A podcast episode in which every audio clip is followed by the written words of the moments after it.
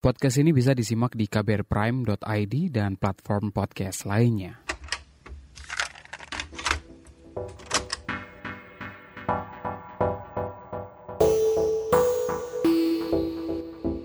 You may think you are only attracted to the opposite sex, but strictly straight people don't exist. Anda mungkin berpikir bahwa Anda cuma tertarik pada lawan jenis saja, tapi itu ternyata nggak ada. Itu simpulan bukan saya sih yang bikin, tapi sebuah riset yang dilakukan di Cornell University, Amerika Serikat. Nah, kalau di season pertama Love Buzz, saya sempat ngobrol bareng seorang perempuan yang mengidentifikasikan diri sebagai biseksual, Verena namanya. Ini kali saya ngobrol bareng orang yang juga mengidentifikasikan diri sebagai biseksual, Boy namanya. Meski belum membuka diri, Boy bikin akun alter di Twitter sebagai ruang aman buat mengekspresikan seksualitasnya. Bareng Boy, saya ngobrol perkara menjadi biseksual, PSBB, hingga puasa. Anda mendengarkan Love Buzz bersama saya, Asrul Dwi.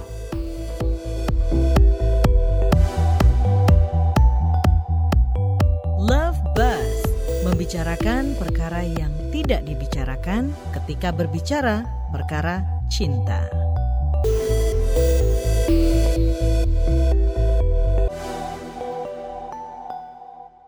Kalau di Semarang kayak gimana situasi di sana lo masih bisa jalan-jalan gitu kah atau juga nggak bisa stuck di rumah aja gitu? Kalau di Semarang sendiri ya itu ada namanya peraturan pemerintah gitu dari wali kota. Jadi nentuin kita tuh harus benar-benar social distancing dengan kemasan pemerintah sendiri sih. Jadi di model sedemikian rupa biar bisa sesuai dengan kota Semarang gitu. Cuman kita juga sama kalau misalnya keluar harus pakai masker terus kita nggak boleh boncengan naik motor. Kalau naik mobil nggak boleh lebih dari dua orang kayak gitu gitu sama sih sebenarnya.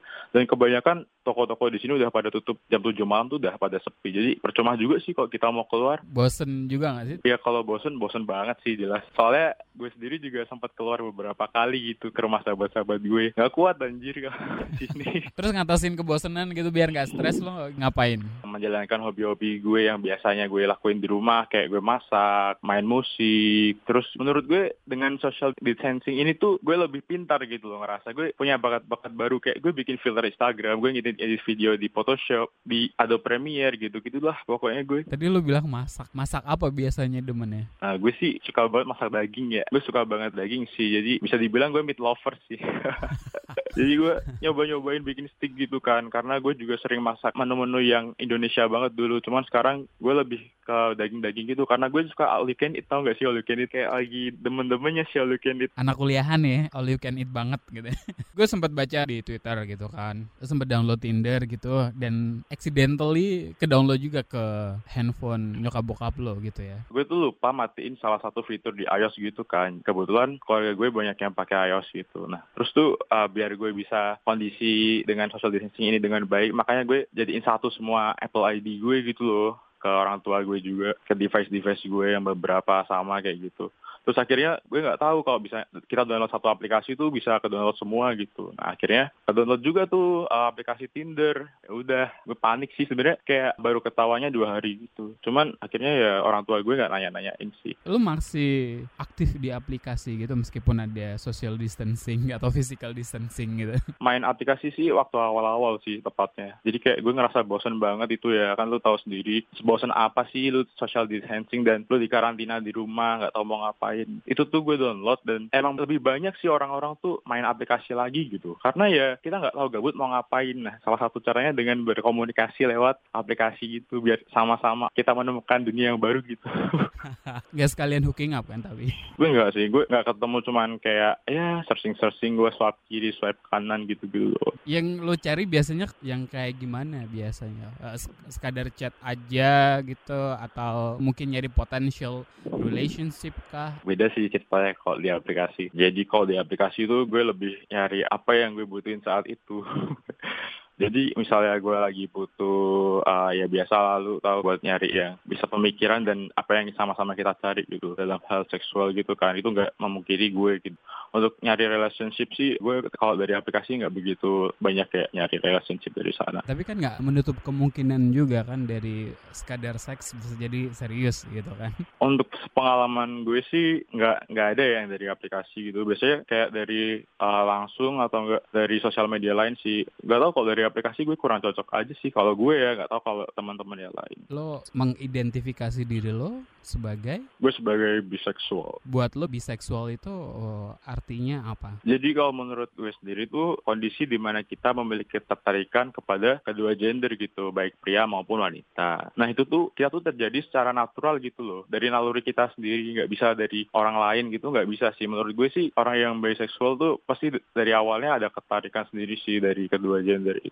Misalnya dari penelitian yang gue dapet tuh ya di Inggris waktu itu dari salah satu web gue baca kalau misalnya orang tuh terlahir dengan kondisi bisexual gitu. Tapi gue kurang setuju sih dari statement itu.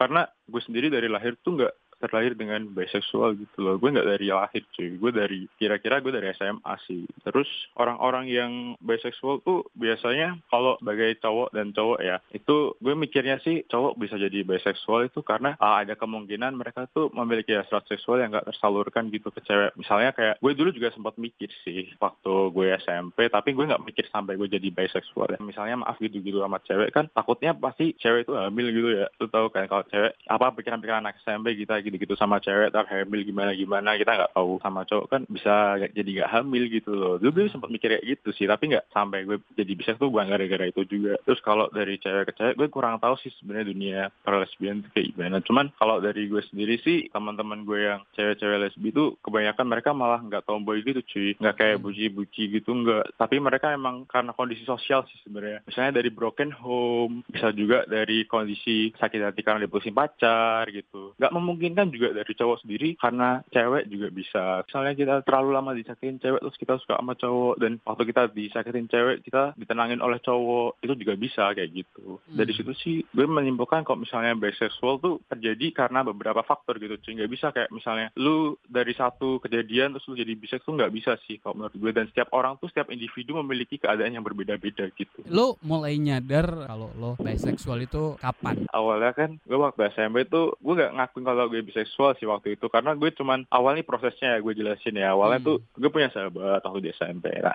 kita tuh bertiga gitu waktu SMP cuy. Kita bertiga. Nah kita tuh kayak anggapannya bukan apa ya kita kayak bertiga tuh jadi kayak anggap aja prima dona deh. Prima dona di SMP waktu itu. Kita bertiga tuh bersahabat gitu. Nah nggak tahu kenapa lama-lama gue tuh kayak tertarik sama si cowok itu. Tapi salah satu cowok dari sahabat gue itu terus akhirnya awalnya tuh tertarik kayak menggemari doang gitu loh. Nah lama-lama gue kayak pengen berusaha untuk memiliki memiliki memiliki gitu. Pas gue kan juga ada masalah sama dia terus sempat berantem tapi semakin lama gue semakin gak enak gue minta maaf terus gue jadi gak enak lagi karena setelah gue gue minta maaf hubungan kita nggak baik terus gue nggak rela aja kalau kita pisah lagi di SMP terus kita SMA yang berbeda gue gak rela akhirnya gue satu sekolah lagi kayak gitu. Nah akhirnya dari situ timbul rasa suka. Tapi itu kayak beberapa persen doang gitu loh dari gue menjadi kayak gini. Nah ada lagi ceritanya waktu SMA ya awal-awal itu. Awal masuk SMA gue punya cewek gue jadian sama cewek kakak kelas gue gitu ceritanya. Nah sekian lama gue jadian pacaran 9 bulan sampai pokoknya hampir satu tahun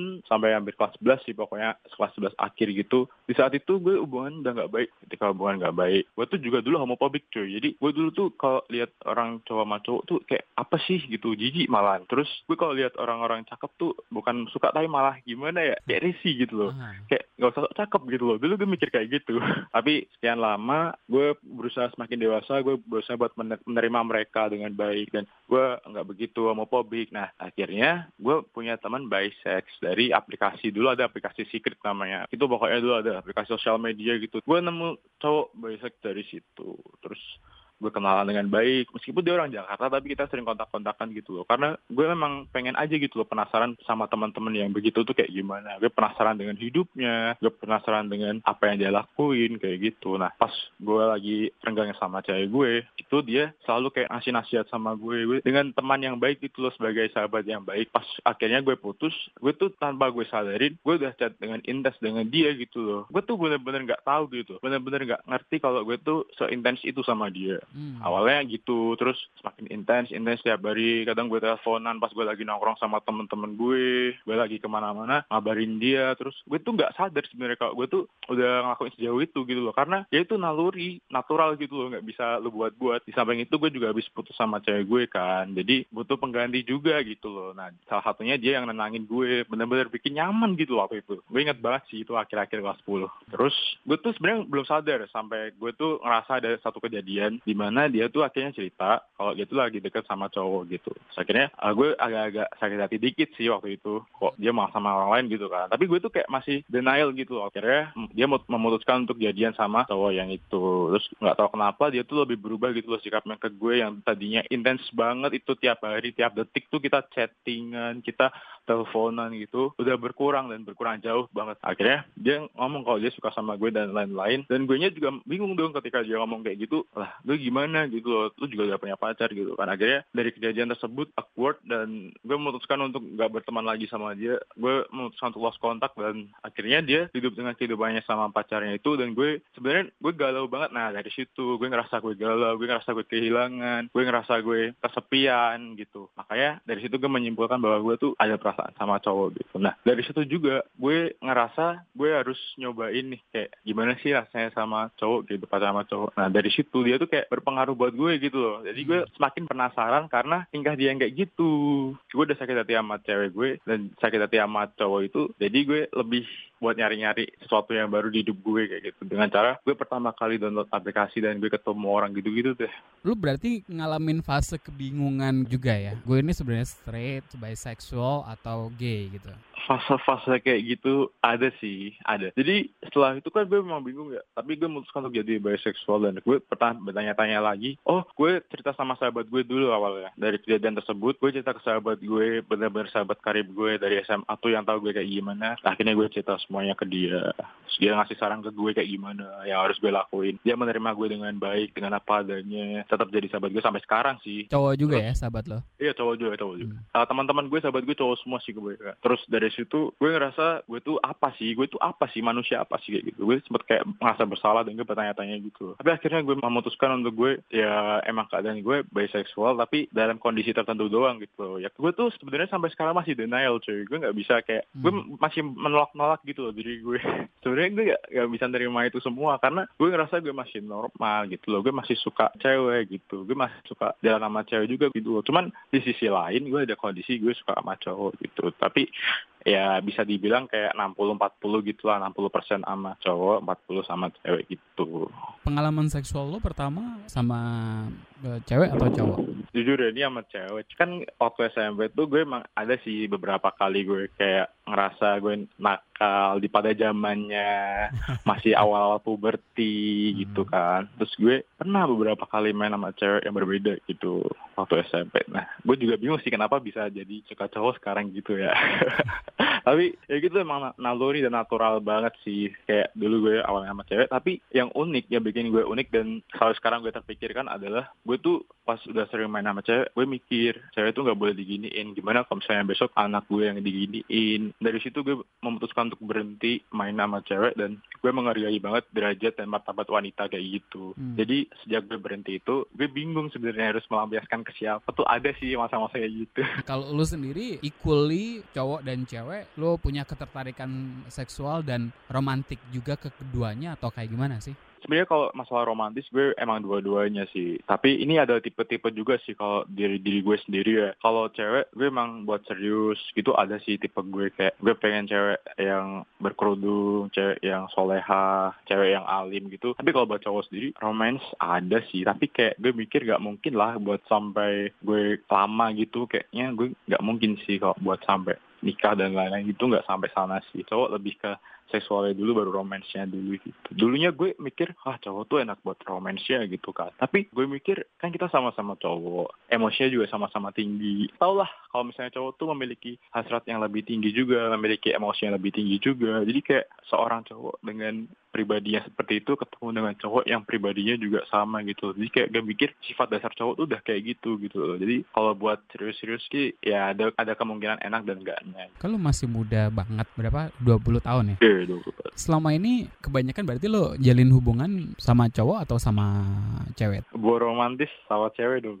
Nah itu makanya gue denial tuh karena itu. Gue masih suka sama cewek itu tinggi juga gitu. Tapi dalam hubungan romantis ya gue masih jalan. Gue masih sering jalan bareng. Kadang gue ke mana-mana bareng ke perpus bareng nugas bareng gitu. Kadang gue nungguin dia dia nungguin gue gitu. Tapi kalau buat cowok ada sih beberapa cuman nggak banyak gitu. Lebih ke cewek sih kalau gue kalau romantis. Berarti kayak ada pembeda gitu ya cara lo berhubungan ketika sama cowok dan sama cewek? Oh jelas banget kalau ada perbedaannya jelas pakai banget sih kalau itu. Jadi kalau misalnya gue sama cewek sejatinya lu harus mengayomi lu harus bisa lebih dewasa dari dia lo harus bisa ngertiin dia. Saya gue ngejemput cewek gue yang jaraknya 11 km gitu gue juga masih mau gitu loh buat pagi-pagi sebelum sekolah gue ke rumahnya dia dulu jemput dia gitu gue masih kayak gitu. Karena gue sadar kalau cewek tuh emang butuh yang lebih gitu kalau cowok sih gue mikirnya lu juga sama kayak gue gue juga sama kayak lu gitu loh. Kita sama-sama cowok jadi lu jangan manja kayak gitu. Gue malah ilfil cuy kalau lihat cowok manja gitu. Ya nggak semestinya cowok tuh manja tapi nggak mungkin kan kita juga bisa manja gitu kan. Tapi nggak banyak gitu. Gue sih pengennya kalau misalnya sama cowok tuh kayak diem-diem terus kayak mengendap-endap main di bawah tanah gitu loh. Jadi jangan sampai kalau orang-orang tuh tahu kita lagi ada hubungan kayak gitu. Sewajarnya aja sih kalau cowok lu bisa ke mana-mana sendiri ya udah sendiri. Tapi kalau lagi pengen bareng ya bareng aja. Cuman intensitasnya dari cowok ke cewek beda banget. Lebih tinggi sama cewek sih kalau gue kayak gitu. Karena mungkin itu lebih gampang diterima gitu ya. Uh, iya sih bisa jadi kayak gitu. Karena kalau nggak tahu sih kalau orang-orang teman-teman gue yang lain nggak kayak gitu. Tapi gue nya kayak gitu. Karena kalau cewek sih gue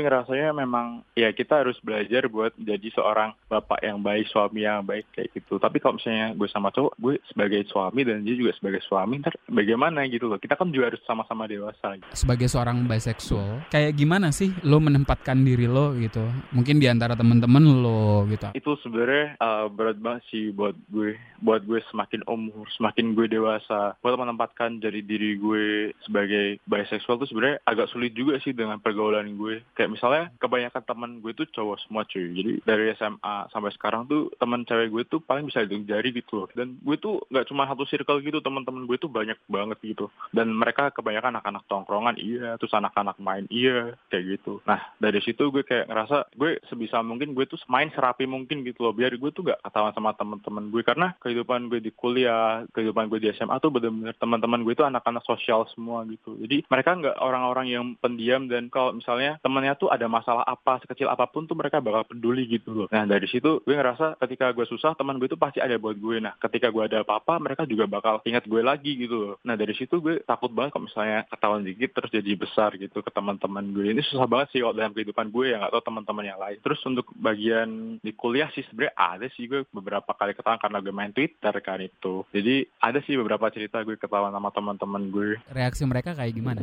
Ceritanya ada begini. Kan gue tuh baru bikin akun Twitter itu Alter itu 2019 bulan Juni lalu sih berarti. Gue pertama kali bikin karena teman gue juga. Terus akhirnya pas sudah sebulan bikin tuh nggak tahu kenapa ada suatu tweet gue tuh yang rame waktu itu. Terus ada orang jahat yang ngepost post-postan gue di salah satu manifest gitu. Nah akhirnya teman gue ada yang notice. Terus ketika itu temen cewek cewek kampus. Dia satu geng gitulah pokoknya. Nah ketika itu gue langsung notice karena teman gue itu sempet sih kayak ketri trigger gitu ngomong ke gue eh itu Twitter lu ya yang viral itu ya. Terus kayak gue mikir ah apaan gitu kan. Terus gue langsung notice tuh kalau misalnya dia wah berarti dia tahu Twitter gue kayak gitu. Kan gue langsung kaget shock dan gue langsung deaktif gue hapus semua tweet gue gue langsung ganti apa gue ganti nama gue ganti semuanya. Dari situ gue shock. Yang bikin gue shock adalah mereka satu geng itu ada salah satu mantan gue gitu mantan gue cewek. Makanya gue langsung kayak malu banget sih dalam keadaan kayak gitu kayaknya nggak ada muka lo sama sekali kan di Twitter itu?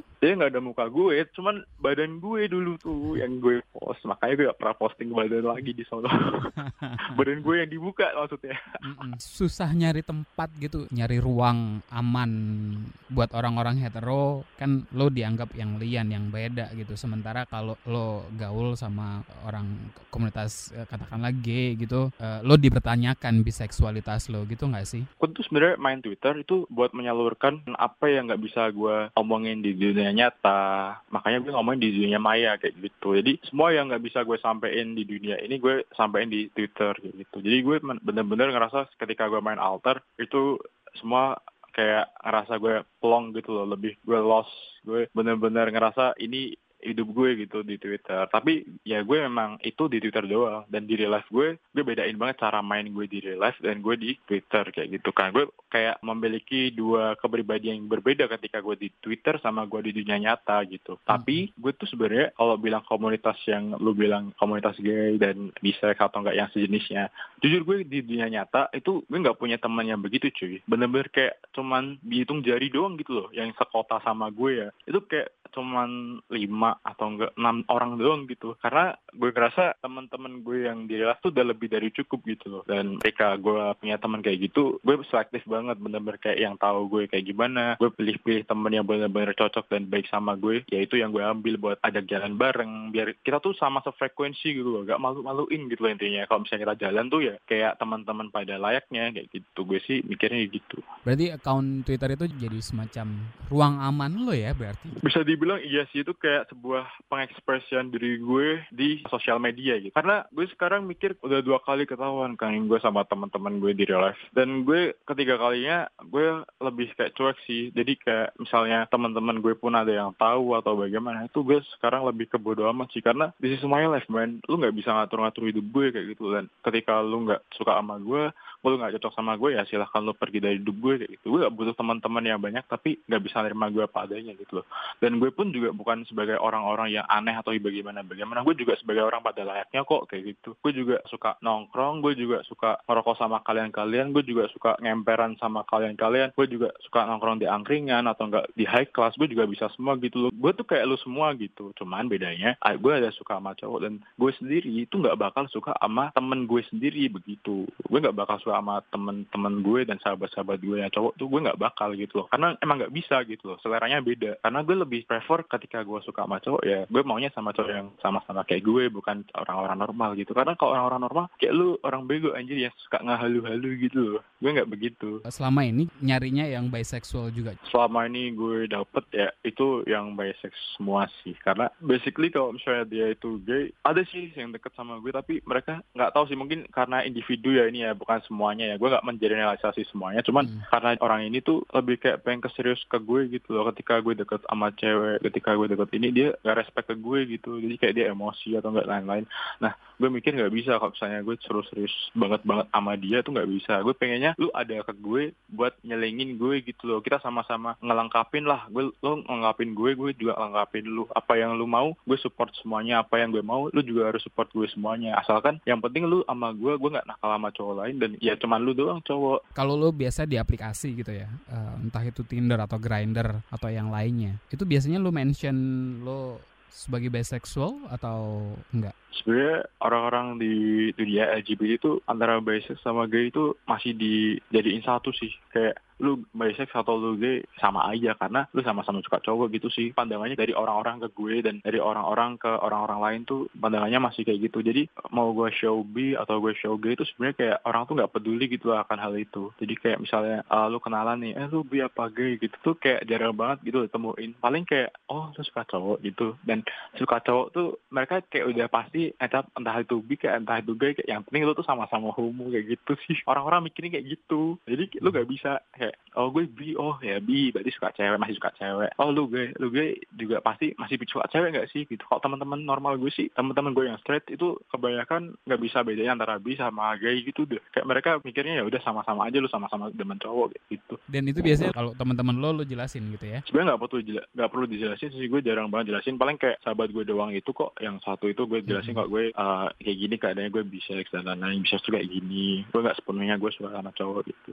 Tapi kalau secara umum ke teman-teman gue sosial di teman-teman di dia maya gitu gue nggak perlu jelasin sih. Kayak gue sebenarnya gue gue masih suka cewek itu nggak perlu gue jelasin. Karena stigmanya orang-orang tuh masih sama gitu loh. Ketika lu suka cowok ya berarti lu umum umum tuh bisa jadi lu gay apa bi ya. Yang penting lu sama-sama suka cowok kayak gitu deh. Tadi lu bilang masih agak susah untuk menerima di diri lo. Terus twitter lo lo bilang uh, bisexual lo sebagai dark side gitu kan? Sebenarnya jujur itu bisa dibilang gue emang dark side dari hidup gue sih. Gue sempat beberapa kali gue nangis malam-malam gitu. Gue nangisin diri gue kenapa gue bisa kayak gini? Padahal gue dulu nggak kayak gini gitu. Gue sebenarnya kayak masih bertanya-tanya sama diri gue sih. Hmm. kayak kenapa gue kayak gini? Ini dark side dari hidup gue memang. Ketika gue jadi bisek ya itu emang peran drama hidup gue gitu. Tapi ketika gue jadi orang normal gue kayak selayaknya gue sendiri gitu menjalani hidup sama teman-teman gue. Ketika gue sama teman-teman gue pun gue kayak ngerasa gue bukan bisek gitu loh gue benar-benar jadi kayak lebih hidup dan gue lupa dengan akan segalanya mengenai bisex gitu. Tapi ketika gue udah di rumah sendirian, ketika gue pergi-pergi sendirian atau enggak gue lagi merenung diri gue, gue kadang kayak iseng buka, misalnya gue lagi main aplikasi atau enggak main Twitter gitu ya.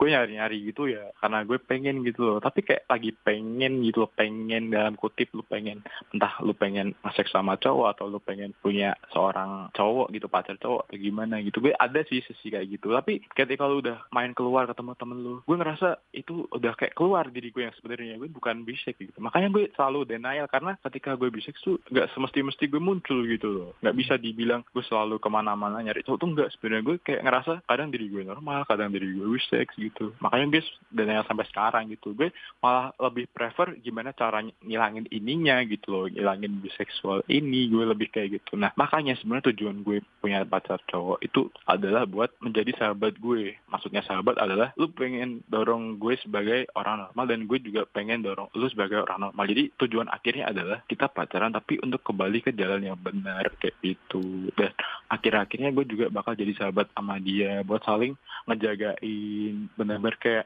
lu tuh relate sama gue gitu loh. Itu sih tujuan gue sebenarnya. Lu berharap jadi hetero gitu? Jujur iya sih gue pengen banget balik seperti keadaan gue yang dulu. Gue benar-benar lupa karena dunia pelangi itu men itu nggak seindah pelangi beneran. Iya seksualitas itu sebenarnya juga bukan pilihan kan? Kalau menurut gue seksual seksualitas itu adalah sebuah ya bisa dikata pilihan iya sih cuy. Tapi nggak tahu kenapa ya bisa masuk gitu. Misalnya lu lagi pengen seksual sama cewek gitu nih ya udah lu kayak bisa milih lu tuh emang suka lagi suka sama cewek gitu. Tapi ketika lu pengen suka sama cowok ya lu pilih cowok gitu loh. Gue kalau gue sih lebih ke naluri yang kayak gitu ya. Tiba-tiba masuk gitu gue lagi pengen yang mana. Kayak gitu sih cuy. Katakanlah cowok atau cewek yang ada di spektrum LGBT gitu ya memutuskan untuk menikah. Kebanyakan kan memang karena tekanan sosial kan yang lo diharuskan untuk menikah gitu dengan lawan jenis gitu. Tapi banyak kemudian yang cerita juga perlahan kan dia kayak lo hidup tapi mati gitu kan.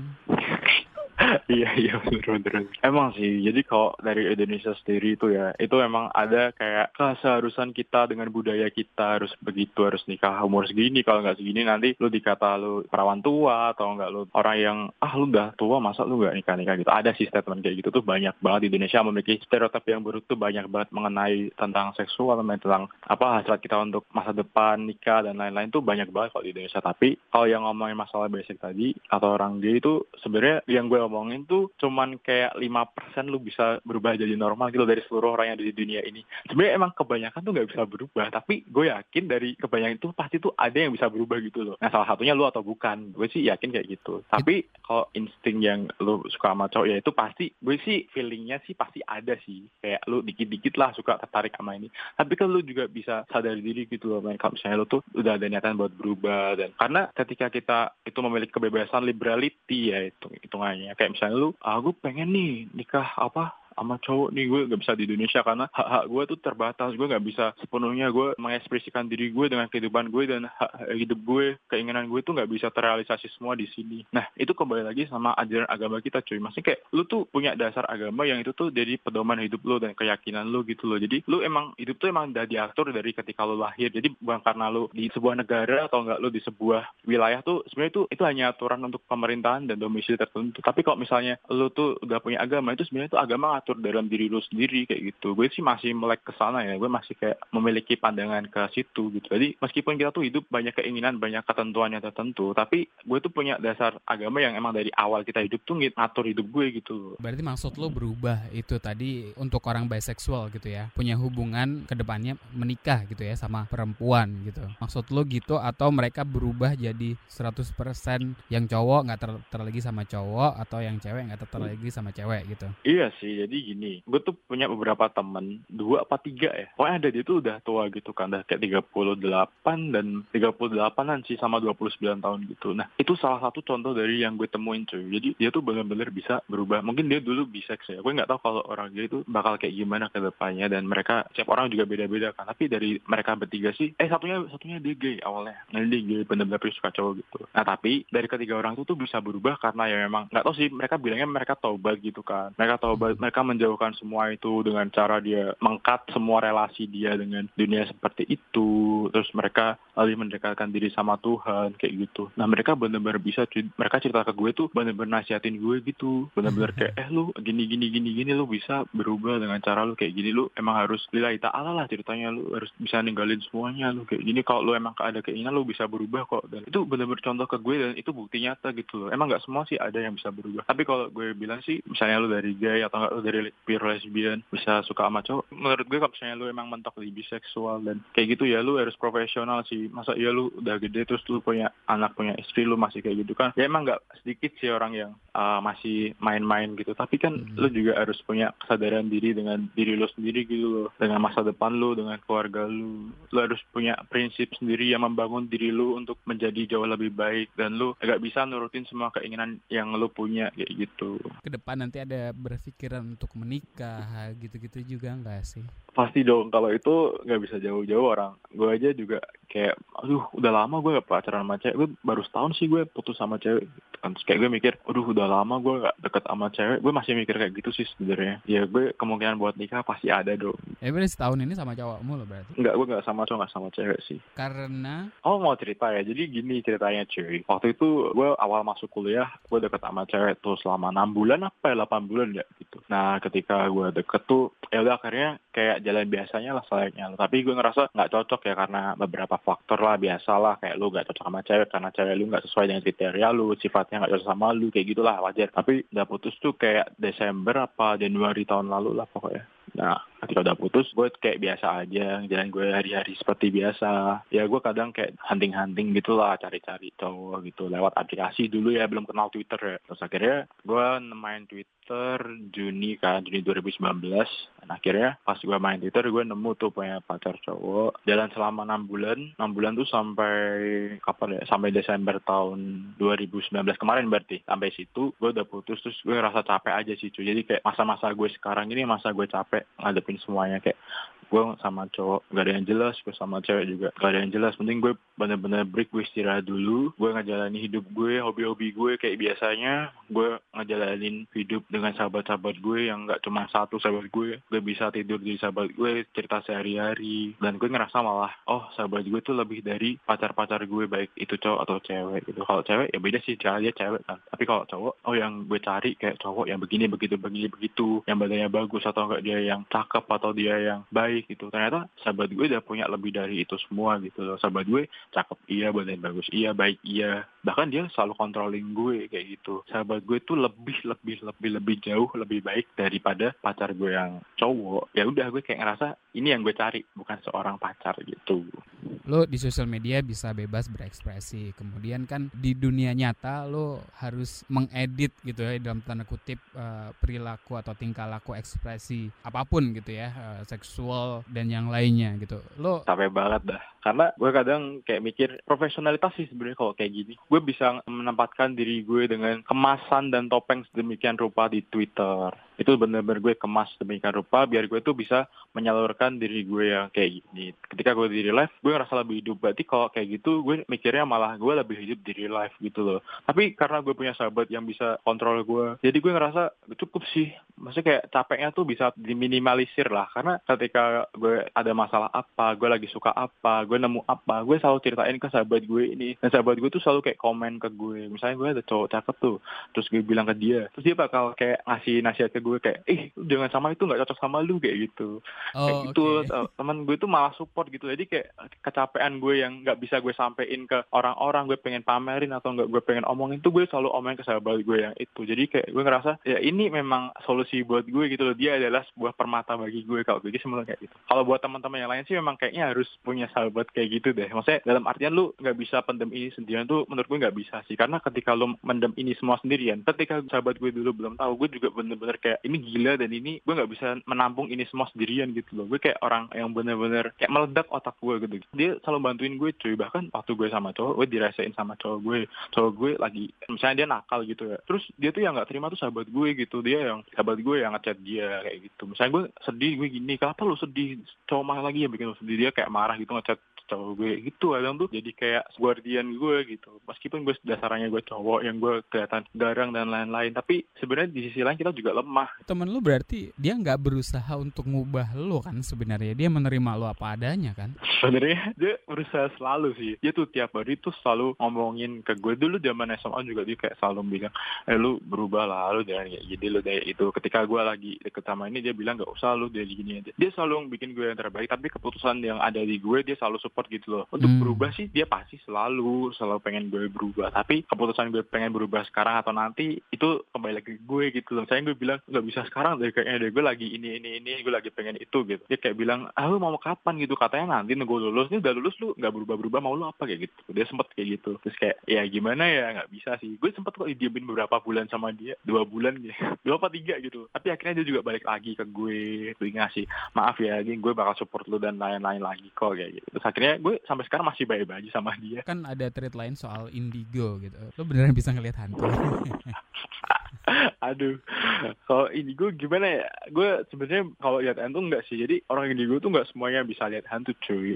Mereka Oh, punya oke. bakat sendiri-sendiri gitu. Nah, kalau Mm. lu apa Gue tuh masih takut karena banyak orang juga yang apa sih lu? Ngomong apa sih? Indigo nggak jelas gitu kan. Kayak lu halu apa gimana? Tapi sebenarnya dulu gue juga kayak gitu sih. Sebelum gue indigo tuh kayak gue ngerasa eh apaan sih lu ngomongin masa depan ngomongin masa lalu? Emang lu bisa apa? Kayak gitu kan. Tapi pas gue ngerasain sendiri gue kayak kena karma gitu loh tiba-tiba. Gue kayak lah kok ternyata yang gue selalu ejek-ejekin ke orang-orang kayak gitu ternyata yang gue rasain sendiri gitu. Gue bisa kayak lihat masa lalu sih tepatnya. Misalnya nih gue ke Lawang Sewu tuh anggap aja. Tiba-tiba tuh kayak gue tersadarkan kayak gue lihat dunia yang itu tuh berada di masa lalu gitu loh yang misalnya lu pengen ke tahun 1960 kayak itu tuh kayak bisa gitu loh. Lu kayak oh ternyata dulu tuh kayak gini. Oh dulu kayak gitu. Terus lebih ke jauh lagi ke 1920 kayak gitu. Oh ternyata dulu 19 kayak gitu kayak gitu cuy itu kayak gue nggak bisa itu kayak otomatis gitu loh. Lu Hmm. lihat bangunan tua tiba-tiba lu pegang terus lu tahu ini oh kayak gini pas SMA ada sebuah organisasi rahasia di sekolah gue yang isinya tuh orang-orang indigo. Dengan pembinanya gue guru gue sendiri. Terus gue tiba-tiba direkrut dan gue semakin tersadarkan kok loh pak kenapa saya direkrut? Gitu kan. Itu tuh ada bakat kayak gini-gini. Terus lah gue kan nggak ini nggak ada apa-apa gitu. Terus akhirnya gue dikasih tahu lu bisa gini gini gini gini gini. Terus ada kayak sering pertemuan gitu kan sama mereka mereka bahas-bahas ini itu ini itu. Terus kayak merasa oh ternyata kayak gini ya. Dan ketika lu tuh bermain sama teman-teman yang sama-sama indigo lu bakal lebih terasah cuy. Lu bakal ngerasa lu lebih apa ya lebih uh, ada energinya lebih gede gitu lah intinya. Eh tapi ini bisa jadi pick up line gitu gak sih kalau lo deket sama cewek atau sama cowok gitu? Eh gue indigo loh gue bisa ngeliat masa lalu lo gitu ya. Nggak kayak gitu sih. itu lebih ke diem-diem sih sebenarnya. Gue tuh sebenarnya tanpa sadar sih cuy. Gue tuh tiga kali pacaran tuh LDR sama cowok ada yang sampai dua setengah tahun. Gue nggak pernah pacaran sebentar sih sebenarnya. Nah kenapa gue berani LDR dan memutuskan untuk itu? Karena gue ngerasa ada yang aneh sih dari diri gue. Kayak misalnya lu nih gue punya pacar. Pacar gue bohong. Misalnya dia ternyata selingkuh atau gimana. Gue tuh kayak nggak bisa dibohongin gitu. Tiba-tiba kayak lu muncul di mimpi gue lagi ngapain tuh tuh tiba-tiba muncul aja gitu loh. Nggak bisa gue kayak mau nolak-nolak tuh ya pengen nolak juga sih sebenarnya. Karena ketika gue tahu semua tentang lu gue semakin sakit hati gitu. Gue mending nggak tahu sama sekali gitu loh. Kalau orang- orang-orang normal bilang ah enak lu bisa tahu semuanya lu pacar lu bohong lu bisa tahu. Tapi sebenarnya yang pas gue rasain tuh nggak enak sebenarnya kayak kita tahu semuanya. Nah itu sebenarnya ada yang untungnya ada enggaknya sih. Enggaknya lu bakal sakit hati terus. Jadi kalau misalnya gue pacaran sama cowok gitu kan LDR tuh. Jadi kalau misalnya dia bohong gue bakal tahu dari mimpi gitu. Kayak asik aja sih kadang. Tapi yang ruginya lu bakal sakit hati terus misalnya pacar lu selingkuh ya cuma sekali gitu sekali dua kali tiga kali gitu. Kan lu sakit hati juga kan. Tapi lebih banyak nguntungin sih sebenarnya. Kita bisa tahu pacar gue lagi bohong lagi ini lagi itu. Tapi ya gue diem aja sebenarnya. Karena ini tuh kayak profesionalitas gitu loh. Nggak bisa lu manfaatin seenak-enak kayak gini tuh nggak bisa. Kayak lu ada batasan buat ngomong gitu loh. Lu Hmm. pa- lu tau pacar lu lagi ngapain tapi lu tuh nggak bisa ngomong cuy. Kayak ya emang tertekan gitu loh. Nggak bisa Oh, diomongin nggak oke. tau kenapa. Lo sekarang puasa kan ya ya bos alhamdulillah. Berarti puasa lo nggak bolong-bolong gitu ya? Insya Allah alhamdulillah nggak sih. Sebagai seorang muslim yang taat gitu ya? Oh biasa aja jangan taat takut konsekuensinya ya? Kira gue ria gitu. Oke lah ya lu menjalankan ibadah gitu sebagai seorang muslim kemudian dengan kesadaran identitas apa seksual lo atau preferensi seksual lo sebagai seorang biseksual gitu lo navigasinya kayak gimana sih gimana ya cuy? Gue sih ya bisa dibilang STMJ iya iya sih itu gak salah sih. Jadi kayak gue mikir gue ada ini abang-abangan gue kan. Dia orang straight gitu tapi dia nggak tahu gue ya gimana. Cuman dia sering ceramain gue gitu kan. Dia orang Jogja dan dia tuh uh, pandai banget gitu deh tentang Islam Islam gitu. Gue demen banget diceramain tentang Islam Islam gitu. Nah dia tuh ngasih saran ke gue kalau misalnya lu emang suka maksiat lu suka lakuin hal-hal yang ya di luar biasa apa normal orang-orang biasa lah lu suka mabuk dugem dan lain-lain. Ya lu tinggal ini aja ukur aja lu maksiatnya 40% tapi agamanya 60% kayak gitu. Ya meskipun gue realitanya gue nggak bisa kayak gitu cuman ya itu bagus sih menurut gue kayak maksiatnya 40% 60% nya lu bisa jalin agama lu dengan baik kayak gitulah intinya. Oh ya gue maksiat tapi yang penting jangan lupa gue sholat gitu. Dah pokoknya intinya ketika lu salah tapi lu punya pedoman hidup, lu punya jalan yang benar. Ya udah lu masih bisa ada pegangan buat lu berkeluh kesah, lu bisa uh, mengeluh-ngeluh lah, lu bisa sambat ke siapa-siapa gitu. Hmm. Arti cinta menurut lo apa? Ketika gue tuh dapat orang yang bisa ngelengkapin hidup gue, bisa nerima gue apa adanya, terus gue saling ngelengkapin dia juga. Jadi intinya kita saling ngelengkapin aja sih dan saling mengerti satu sama lain terus selalu ada buat gue dan gue sebenarnya selalu ada tuh bukan artian selalu ada dalam dunia nyata gitu ya misalnya cewek gue jauh atau cowok gue jauh gue juga pengennya ya kita tetap berkomunikasi. Meskipun komunikasi juga nggak selalu tiap hari itu nggak masalah yang penting dia ada tuh dalam artian dia selalu ada di hati gue gitu loh. Nggak perlu gue takut buat dia ragu dia lagi ngapain sama orang-orang gue nggak tak perlu takut gitu. Karena cinta tuh menurut gue juga sebuah kepercayaan cuy. Jadi ketika lu percaya sama pacar lu dan lu juga bisa mengerti pacar lu tuh ketika lu percaya ya udah beres semuanya.